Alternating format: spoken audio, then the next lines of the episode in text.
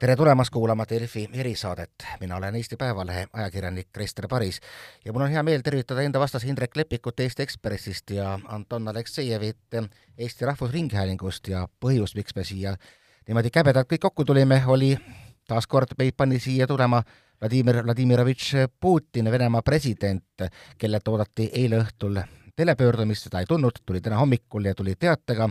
et kuulutatakse välja osaline mobilisatsioon, millega loodetakse saada kokku kolmsada tuhat inimest ja see algas täna. No niimoodi, enne seda pöördumist spekuleeriti päris palju, et, et mida võiks siis Putin nüüd esimeses telepöördumises üldse pärast sellist äh, Ukraina sõja algust öelda, olid erinevad mõtted, kas see äh, mobilisatsioon nüüd oli midagi, mis oli nagu nende ootustega pigem kooskõlas? ega ju iseenesest Putinil midagi üle ei jäänud, et kui me vaatame, kuidas äh, venelased on endale püüdnud äh, mehi juurde saada, siis see, kui sa Luhanskist, Donetskist äh, kuskilt tänava pealt keskealisi mehi sisuliselt tirid omale vägedesse ja paned nad relva alla, et, et see näitab tegelikult, milline puudus neil on ja, ja eks see osaline mobilisatsioon siis noh, kolmsada tuhat väga raske on nagu öelda, mida see päriselt tegelikult endas hõlmab, sellepärast et äh, Šoigu pärast Putin ikka nagu natukene täpsustas neid detaile. aga sisuliselt on, äh, on väga raske öelda, kas, kas need on siis tõesti ainult äh, reservistid, kes on läbinud siis väljaõppe ja ka mingi teatava lahingukogemusega, nii nagu Šoigu ütles, või tegelikult tähendab see ka lõppkokkuvõttes ikkagi seda, et ajateenijad lähevad sõtta, sellepärast et kui korraldada neid referendumeid, oblastid eh, liita Venemaaga ja öelda, et see on Venemaa territoorium, siis sinna võib ju vabalt ka ajateenijaid saata, nii et, et selles mõttes, mida see detailis tähendab, on tegelikult, ma arvan, praegusel hetkel suhteliselt raske öelda. Anton, noh, siiamaani on ikkagi olnud tegemist erioperatsiooniga, kas see nüüd tähendab sõja tunnistamist? no ma arvan, et ametlikult küll mitte, ikka see jääb sõja eri e, sõjaliseks erioperatsiooniks, aga need kolmsada tuhat see on ikka mm, väga suur arv, ma tuletaksin meelde siin, et äh, esimesel Tšetšeenia sõja oli äh, Kaukaasias, Tšetšeenias umbes seitsekümmend tuhat äh, mehi Venemaal ja teises sõjas juba kaheksakümmend tuhat. nüüd ja siis sõda oli põhimõtteliselt igas Venemaa kodus. nüüd kutsutatakse, kutsutakse reserviste, aga ma ei tea, kes need reservistid võiksid äh, näiteks olla. ja kust tuleb kolmsada tuhat mehi, kes, kellel on juba mingi sõjakogemus või kellel on äh, mingid sellised äh, sõjaelukutsed, mis, mida oleks praegu vaja. nii et põhimõtteliselt ohu all on kõik ja keegi ei tea, et no vaatame, et kokku kolmsada tuhat äh, on põhimõtteliselt natuke üle protsendi sellest mobili-, mobilisatsiooni üldressursist, et äh, mis on umbes kakskümmend viis miljonit. Ukrainal on praegu relva alla kaitseminister Reznikovi sõnul äh, põhimõtteliselt miljon inimest. aga noh, seal kõik jõustruktuurid, armee ja SBU ehk eriteenistused, piirivalvurid, politsei, päästjad, et no kokku on nagu relvastatud äh, inimesi on äh, miljon. Venemaal on selles mõttes äh, probleem ja ma ei tea, kuidas see kuidas seda probleemi nagu praktilises mõttes nagu hakatakse lahendama? noh, ongi, et enne, kui seda mobilisatsiooni välja kuulutati, ju hästi palju räägiti, et see on üks viimaseid asju, mida Putin tahab teha, sest et noh, see tegelikult toobki selle sõjaga nendeni, kes siiamaani vaatasid televiisorilt ja plaksutasid kaasa, aga nüüd saavad aru, et aga äkki tuleb temal enda või tema pojal või kellelegi minna, minna ka püssi alla. kui, kui, kui tõsine see, see mure nagu selle koha pealt Kremlist vaadatuna on? No iseenesest on ju lubadus, et üliõpilased näiteks sõtta ei pea minema, eks ole, aga mulle tundub, et mida rohkem lubatakse, et seda, teist või kolmandat asja ei tehta, seda tõenäolisemalt seda tehtakse, et, et nii need asjad kipuvad olema. Ja kui vaadata seda, et kas või kuskile eh, kolleeg Õhtulehest ehk Valjokit just kirjutas Twitteris, et eh, Belgradi lennud Moskvast on kuni üheksateistkümnenda oktoobrini välja müüdud, et, et see nagu peegeldab seda, kuidas Vene ühiskond seda võtab ja kuidas Vene noored mehed seda võtavad no lisaks äh, mitte ainult Belgradi lennud, äh, Istanbul, Tbilisi ja Jerevan samuti kõik müüdud äh, ja on arusaadav, et kust te võite sinna lennata, no mitte mingist Vene külast. ehk ilmselt tegemist on suurte linnadega, nagu vene keeles öeldakse, nagu Garada miljonike, nii nagu see on, elanikkond üle miljonit, ja muidugi nad, inimesed tunnevad ohu no see on see selge oht, et te võite minna sõita ja mis on kõige õudsem, on see, et te ei saa äh, sellest kuidagi mööda hiilida, sest te peate kaitsma juba, nagu oligi öeldud, oma kodumaad. kui sulle öeldakse, et Herson, Hersoni linn on Vene linn, et see on sama nagu Belgorod või Kursk või isegi Moskva, no mis siis teha, et mine ja kaitse sa mõtlesidki, et see on tegelikult ju päris oluline eskaleering Venemaa poolt, kui ta nüüd noh, kiire, kiirkorras organiseerib referendumit isegi viisi, mis noh, mitte kellelegi ei tundu kuidagi legitiimsena, lihtsalt annekteerib need territooriumid, siis ta nagu paneb sellise barjääri, et vot nüüd on see Venemaa territoorium ja nüüd, kui te tulete seda ründama, siis meil on kasutuses ka tuumarelvad, millele ta otseselt viitas, et kellele see sõnum suunatud on? No ma ei tea, kui vaadata seda, et Belgorodi oblastis on igasugused alajaamad ja muud hooned äh, pidevalt põlevad mingite erinevate rünnakute tõttu, siis see, et Venemaa territooriumi rünnatakse, sellele järgneks tuumalöök, et, et see nagu ähvardusena minu meelest enam väga nagu ei kõla, et et, et, et, et lõppkokkuvõttes kõik need sammud jätavad pigem sellise väga meeleheitliku mulje ja, ja ma püüan nagu mitte sellist, sellisest nagu soovmõtlemisest lähtuda, vaid, vaid vaadata lihtsalt praktiliselt kas või mida sellesama kolmesaja tuhande mehe mobiliseerimine tähendaks, et neil on vaja ju väljaõpet, kõik need allohvitserid ja muud nagu kes, kes päriselt suudaksid nagu meestega tegeleda sellisel väga nagu madalal tasemel, kõik nemad on ju sõtta läinud ja, ja, ja tegelikult Venemaal puudub endal ka väljaõppevõimekus just seetõttu, et meeste puuduse tõttu on nad neid samu mehi, kes, kes peaks seda väljaõpet nagu korraldama, on, on sõtta saatnud, et, et, et üks asi on need kolmsada tuhat meest ka kuskilt kokku korjata, teine asi on neile anda varustus, relvastus ja kas või noh, mingi nädalanegi väljaõpe, et, et, et lihtsalt väga raske on näha, kuidas seda praktiliselt on võimalik eh, teostada või noh, nagu Anton ütles et, et üks protsent mobilisatsiooniressursist ja sellegagi võidakse hätta jääda? no põhimõtteliselt jaa, sest äh, me näeme näiteks, et kuidas äh, need, needsamad äh, LNR-i ja Luhanski äh, rahvavabariigi nii-öelda kodanikud, keda püüti lihtsalt kinni, kinni äh, Luhanski ja teiste linnade Orlovka tänavatel, saadeti äh, püssi alla ja saadeti rindele äh, et äh, mis neist sai näiteks äh, Balaklias ja Izjumis, kui äh, kogenud Ukraina sõdurid ründasid need ähm, alad ja hakkas pealetung, inimesed lasid jalga, et kõik, mis nad oskavad, on tegelikult piinata ja terroriseerida tsiviile okupeeritud aladel. aga kuidas nad saavad töötada sõjalises mõttes töötada mingi suur, suurte üksuste koosseisus, mis väljaõppe nad saavad, see on, no see on omaette küsimus see jah, natuke meenutab neid jutte, kuidas Wagnerlased saadavad vanglast võetud siis seda neid urkasid ja muud, muid tüüpe et, eesliinile, et siis vaadata, kus on Ukrainasse tulepunktid ja, ja siis selle võrra ennast, ennast säästa. aga see, kõik see nagu tähendab, see kui me rääkisime ka siin, et meeleheitlik samm, et Venemaal ongi siis nagu vesi ahjus, et kõik need jutud, kuidas see on igalt poolt ära viidud väed, noh, alates siis seal, kus olid rahuvalvajad, aga ka näiteks Leningradi juures, vabandust, Leningradi oblastist, õhutõrjekompleksid, et, et ongi, kõik ressursid on seal siis. Jah, siin ka viimane uudis eilsest vist oli, et ühed dessantnikud Süüriast viiakse, viiakse Ukrainasse, et, et, et selles mõttes mm, noh, siin ongi nagu väga, väga raske näha, kuidas Venemaa astub vastu olukorras, kus Ukraina see nii-öelda pealetungiplaan paistab olevat mitu kuud välja töötatud, need üksused paistavad korralikult relvastatud, mitte üksnes siis need mehhaniseeritud üksused, kes nii-öelda nagu peale lähevad, vaid ka kogu see eh, tulejõud, mis seal taga on, et et, et, et isegi kui meil oleks nagu mingi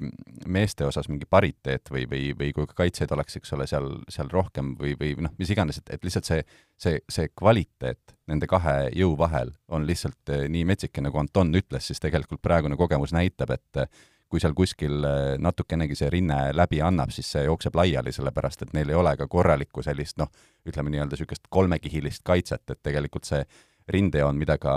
eh, Putin seal eh, meelde tuletas, ütles ta vist tuhat kilomeetrit äkki tema selle tuhat, noh, muidu on üle, üle kahe tuhande, tuhat kolmsada on umbes Ukraina andmete see aktiivse lahingutegevuse ala. et noh, see on ikka, see on ikka päris kõva, kõva distants, mida katta jaa, peale selle ma ei saanud päriselt aru Sergei Kurgedovitš Šoigust, kes rääkis ühest küljest, et äh, jaa, vot me kutsume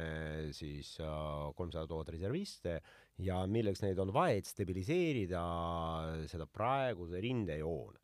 et nagu toetada ja stabiliseerida praeguse rindejoone no aga vabandust, kuidas siis äh, Hersoni, Zaporižje, Donetski oblastite vabastamisega, et no mis tähendab stabiliseerida? Vladimir Vladimirovitš just ütles, et me tunnustame neid äh, just nende administratiivpiirides,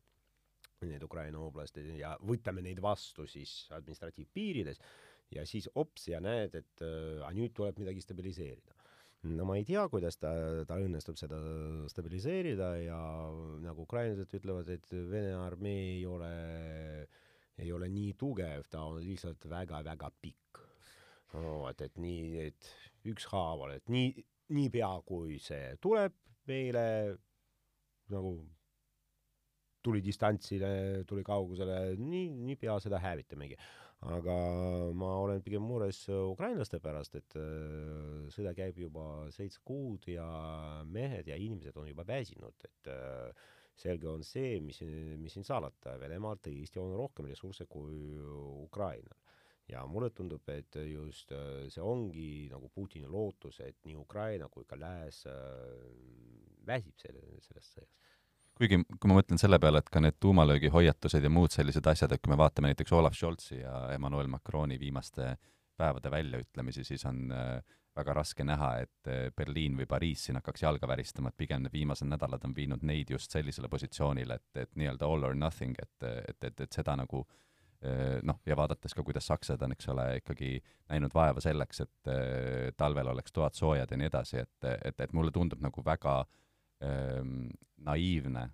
äh, Kremlist uskuda, et nüüd on see moment käes, kus prantslasi ja sakslasi saab survestada kuidagi mingit, äh, et nemad siis omakorda survestaksid ukrainlasi mingit rahu otsima, et, et see moment oli võib-olla mõni kuu tagasi, aga mitte praegu. ma olen absoluutselt nõus, et no natuke imelik endale ette kujutada niisugust olukorda, kui sinu noh, partner või ma ei, kaupmees pakub sulle, et mis sa tahad, et ma sulle annaks, kas tuumalöögi või gaasi. ja et no kumb siis? et no vabandust, nii, nii see asi ei käi ja mulle tundub, minu jaoks on selge, et no kui varem me võitsi, võisime arutada, et no kas ikkagi me peame kuidagi mõjutama Ukrainat, et äh, kuidagi sponseerima ja soodustama neid läbirääkimisi, kui mitte otseselt Putini ja Zelenskõi vahel, siis vähemalt delegatsioonide vahel, et mingid kontaktid, siis nüüd meile öeldi, et äh, jätke kõik maha, pange relv maha muidu tuleb tuumalöök. no, no vabandust, nii ei saa no just nimelt, see on, eks see on umbes sama asi, et, et pärast seda, kui sakslased on näinud, kuidas keeratakse tal üldse gaas kinni, siis ilmselgelt on, hakkab võib-olla kohale jõudma ka missuguse partneriga on tegemist. räägime võib-olla sellest pikemas perspektiivis veidikene hiljem, ma ikkagi mõtlesin selle peale, et noh, kõik need märgid, seesama Šoigu avaldus stabiliseerimisest, nagu ikkagi viitavad sellele, et hetkel nad tunnistavad, et nad on äh, lahinguväljal alla jäämas. kui, kui, kui suur šokk see ikkagi nüüd on, on olnud äh, see Harkivi oblasti noh, sisuline kaotamine äh, Venemaa ühiskonna jaoks, kas kuidagigi jõuab kohale nendele? no tegelikult äh, paljud, ma usun, et usaldavad seda, mida usaldavad Šoigud ja ametlik see kindral Konašenkovit, Vene kaitseministri esindajad, kes rääkisid ümbergrupeeringust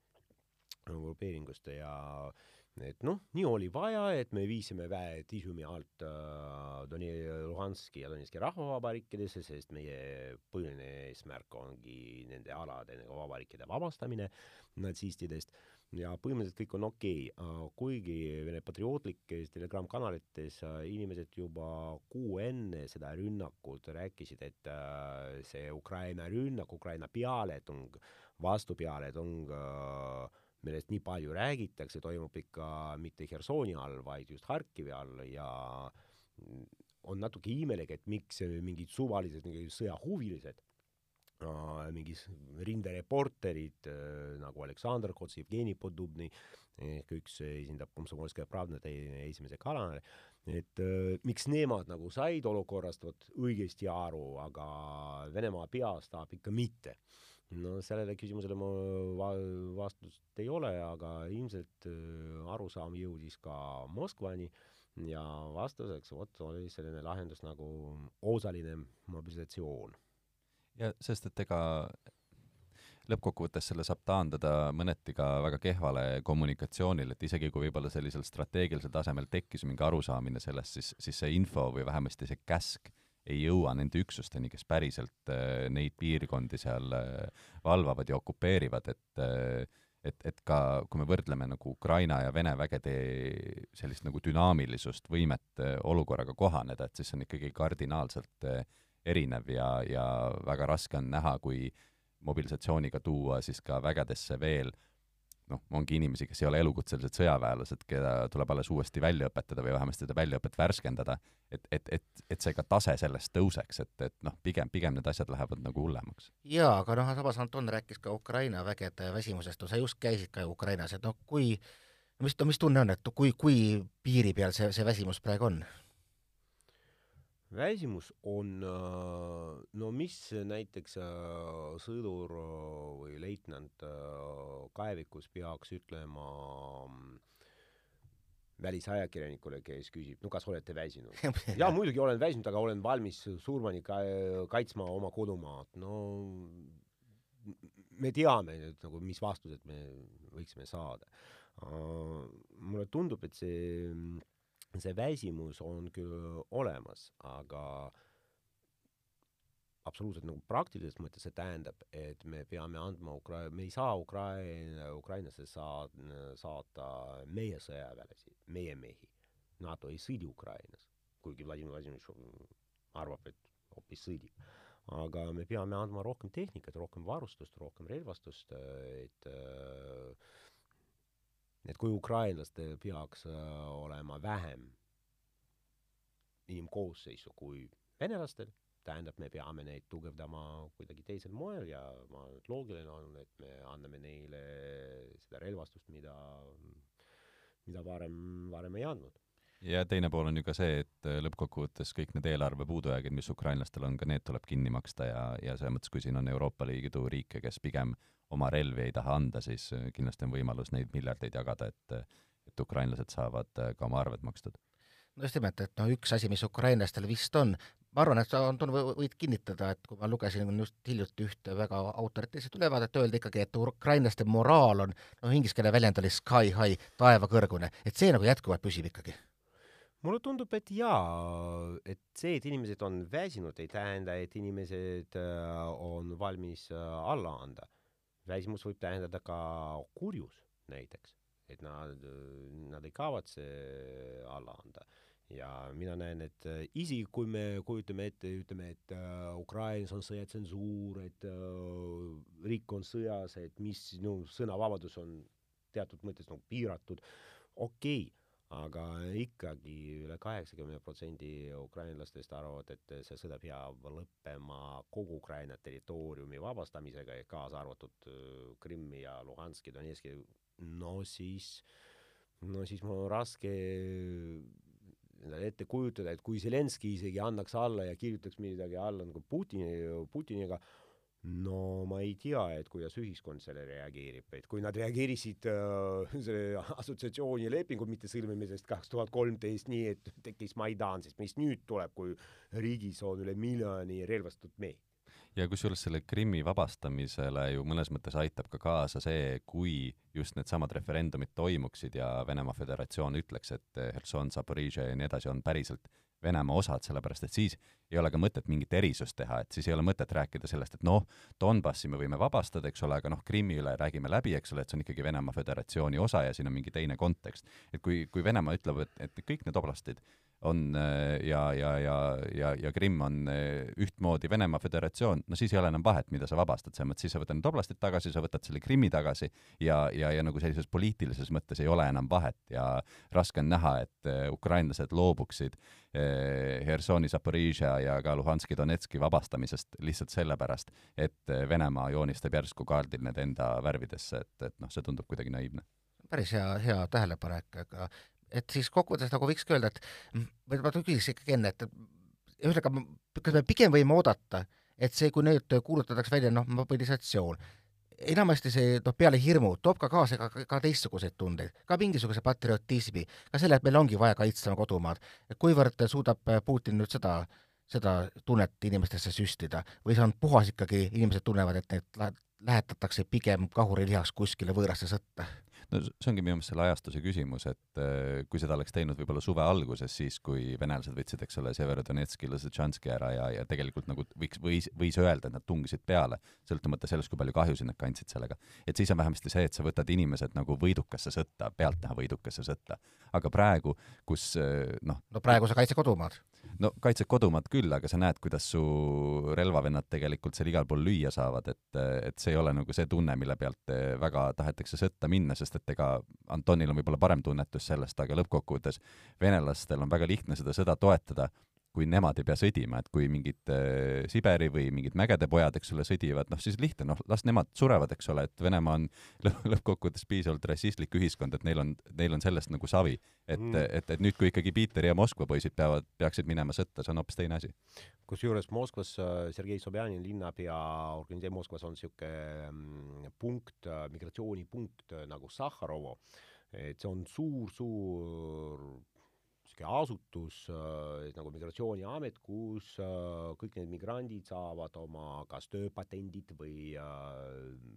load ja nii edasi, vot seal nüüd avatakse värbamispunkti, et äh, sest see, kes teenib Vene sõjaväes aasta või rohkem, sõlmib lepingu, saab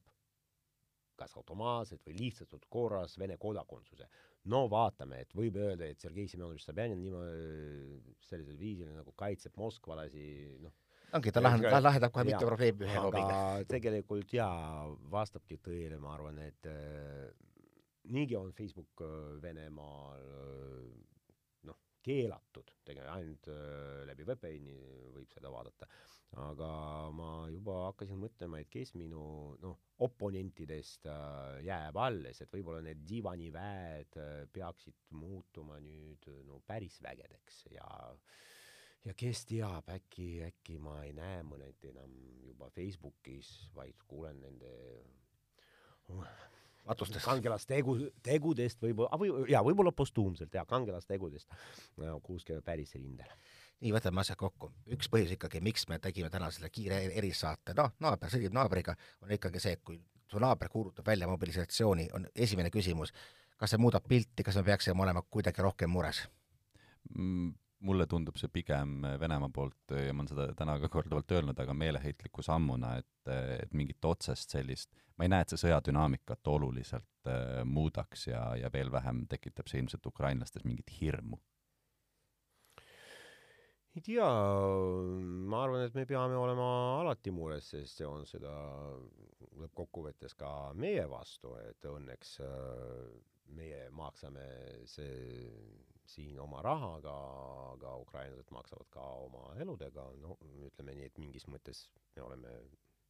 meil, meil vea, veab nagu siiamaani. nii et äh, me peame küll olema mures ja vaatama ja